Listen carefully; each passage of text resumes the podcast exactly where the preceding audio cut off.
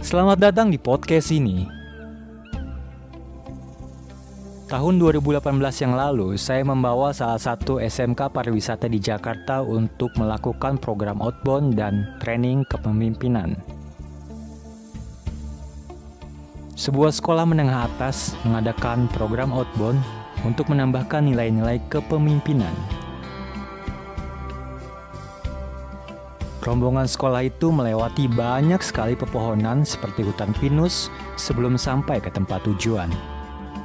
Peserta outbound dibagi menjadi tiga kelompok, dan masing-masing kelompok terdiri satu instruktur outbound yang sudah siap untuk melakukan permainan mereka masing-masing. Mereka tinggal dan menginap selama dua hari satu malam di sebuah villa yang cukup nyaman meski di sebelahnya terdapat hutan dengan banyak pohon pinus dan menjadi satu kawasan dari villa tersebut. Setiap tim memainkan permainan yang berbeda-beda. Sebelum akhirnya bertukar permainan dengan instruktur yang lain, mereka harus mempelajari setiap nilai yang ada dalam setiap permainan. Ada tim yang bermain di kolam renang, ada juga di hutan, termasuk di lapangan. Masing-masing dari tim memainkan jenis permainannya masing-masing, dan setiap kelompok diberikan tugas yang sama. Mereka mendapatkan tugas untuk mencari sesuatu yang gelap, tidak terlihat, tapi sangat kuat keberadaannya. Semua kelompok merasa sangat kebingungan dengan tugas yang mereka dapatkan tidak mengetahui maksud dan apa yang dicari dalam permainan yang mereka lakukan. Satu hari full, dari pagi hingga sore, mereka outbound, tetapi masih belum ada yang mengetahui apa yang dimaksudkan. Bahkan keesokan harinya di pagi harinya, saat mereka walking jungle selama tiga jam, mereka masih belum mengetahui apa yang dimaksud oleh para instruktur tiba saatnya untuk mengakhiri sesi outbound karena mereka haruslah bersiap diri untuk pulang kembali pada sore harinya. Dalam acara penutupan, ketua pemimpin outbound memberitahukan kepada mereka apa yang sebenarnya mereka cari selama ini. Ia mengatakan dalam upacara penutupan bahwa sebenarnya bayanganlah yang dimaksudkan. Gelap tidak terlihat, tapi sangat kuat keberadaannya. Salah seorang peserta bertanya, "Mengapa bayangan, Pak?" Pemimpin outbound itu menjelaskan bahwa bayangan merupakan satu-satunya yang setia kepada kalian selama ini. Namun, hal tersebut tidak pernah kalian lihat dan seakan keberadaannya tidak ada. Bukankah kalian sering lupa akan hal seperti itu? Pendengar podcast yang saya hormati, dalam games Outbound, satu-satunya hal yang tidak pernah lelah pada bagian diri kita adalah bayangan kita sendiri. Mengapa bayangan saya masukkan dalam poin ini? Pasti Anda semua bertanya saat ini. Bayangan merupakan refleksi dari apa yang selalu kita lakukan. Saat kita tumbuh dari kecil, di mana pun kita berada, pasti ada bayangan yang selalu setia menemani kita. Bahkan, ketika kita jatuh pada jurang kegagalan, direndahkan, disepelekan, tidak dianggap, atau dihina sekalipun, bayangan tersebut tetap ada. Coba perhatikanlah, ia tetap tegar dan selalu ada.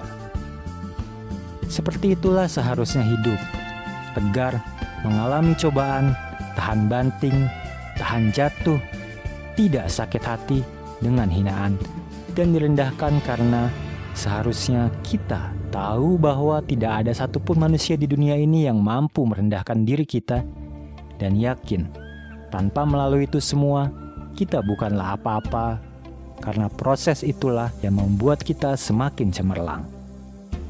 Pendengar podcast yang saya cintai, bayangan yang dikisahkan tadi selalu ada, bahkan ketika mereka berada di dalam air sekalipun. Bayangan yang dikisahkan, bila diibaratkan kita saat ini adalah tetap ada jika tidak keluar dari rumah untuk beraktivitas atau keluar dari zona nyaman kita untuk memulai sesuatu yang baru. Akankah bayangan itu jelas adanya jika yang dipantulkannya tidak memiliki bentuk yang jelas? Tidak akan mungkin terjadi. Justru karena kita berproses melakukan berbagai macam aktivitas dan keluar menghadapi bayangan tersebut ada bersama kita ke mana pun kita berada, bahkan di dalam air sekalipun. Sering sekali kita takut untuk melangkah maju dan takut untuk memulai yang bahkan ketakutan itu belum terjadi. Bayangan adalah pantulan dari kehidupan. Hanya orang yang beranilah yang akan siap menghadapi bayangan itu sendiri. Ada sebuah pepatah Jawa mengatakan, alang-alang dudu aling-aling. Artinya, rintangan bukanlah penutup kesempatan. Sering sekali kegagalan di masa lalu menimbulkan rasa malu dan takut kerap mengurung kita untuk tidak berbuat apa pun karena bayang-bayang masa lalu dengan rasa yang bersalah yang mungkin timbul dari keputusan yang Anda ambil. Jangan terlalu pusing dengan kesalahan masa lalu. Setiap orang pasti pernah melakukan kesalahannya Cobalah untuk berusaha tanpa memikirkan bagaimana bila Anda melakukan kesalahan. Karena jelas, ketika Anda sudah melakukan kesalahan, hal yang harus dan pasti harus Anda lakukan adalah memperbaikinya. Belajar dari kesalahan dan lanjutkan kembali usaha dan perjuangan Anda. Pendengar podcast yang saya hormati dan saya cintai, Kisah Barusal merupakan suatu kisah yang mengajarkan kita untuk keluar dari rasa takut di masa lalu dan berani menghadapi masa depan. Jika kita berbicara tentang masa lalu dan masa depan, sebenarnya satu detik yang lalu Anda mendengarkan podcast ini itu adalah masa lalu. Melangkahlah untuk maju. Bahkan pesawat terbang yang terbang tinggi ia bergerak maju sebelum ia mampu untuk terbang.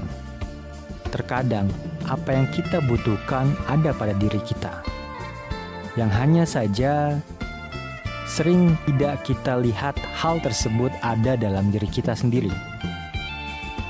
Allah pasti mempunyai alasan mengapa Dia memberikan cobaan kepadamu untuk kamu terima yang alasan tersebut dapat kamu ketahui hikmahnya setelah kamu dapat mampu melalui semua ujian yang diberikannya. Selamat berjuang dan teruslah semangat.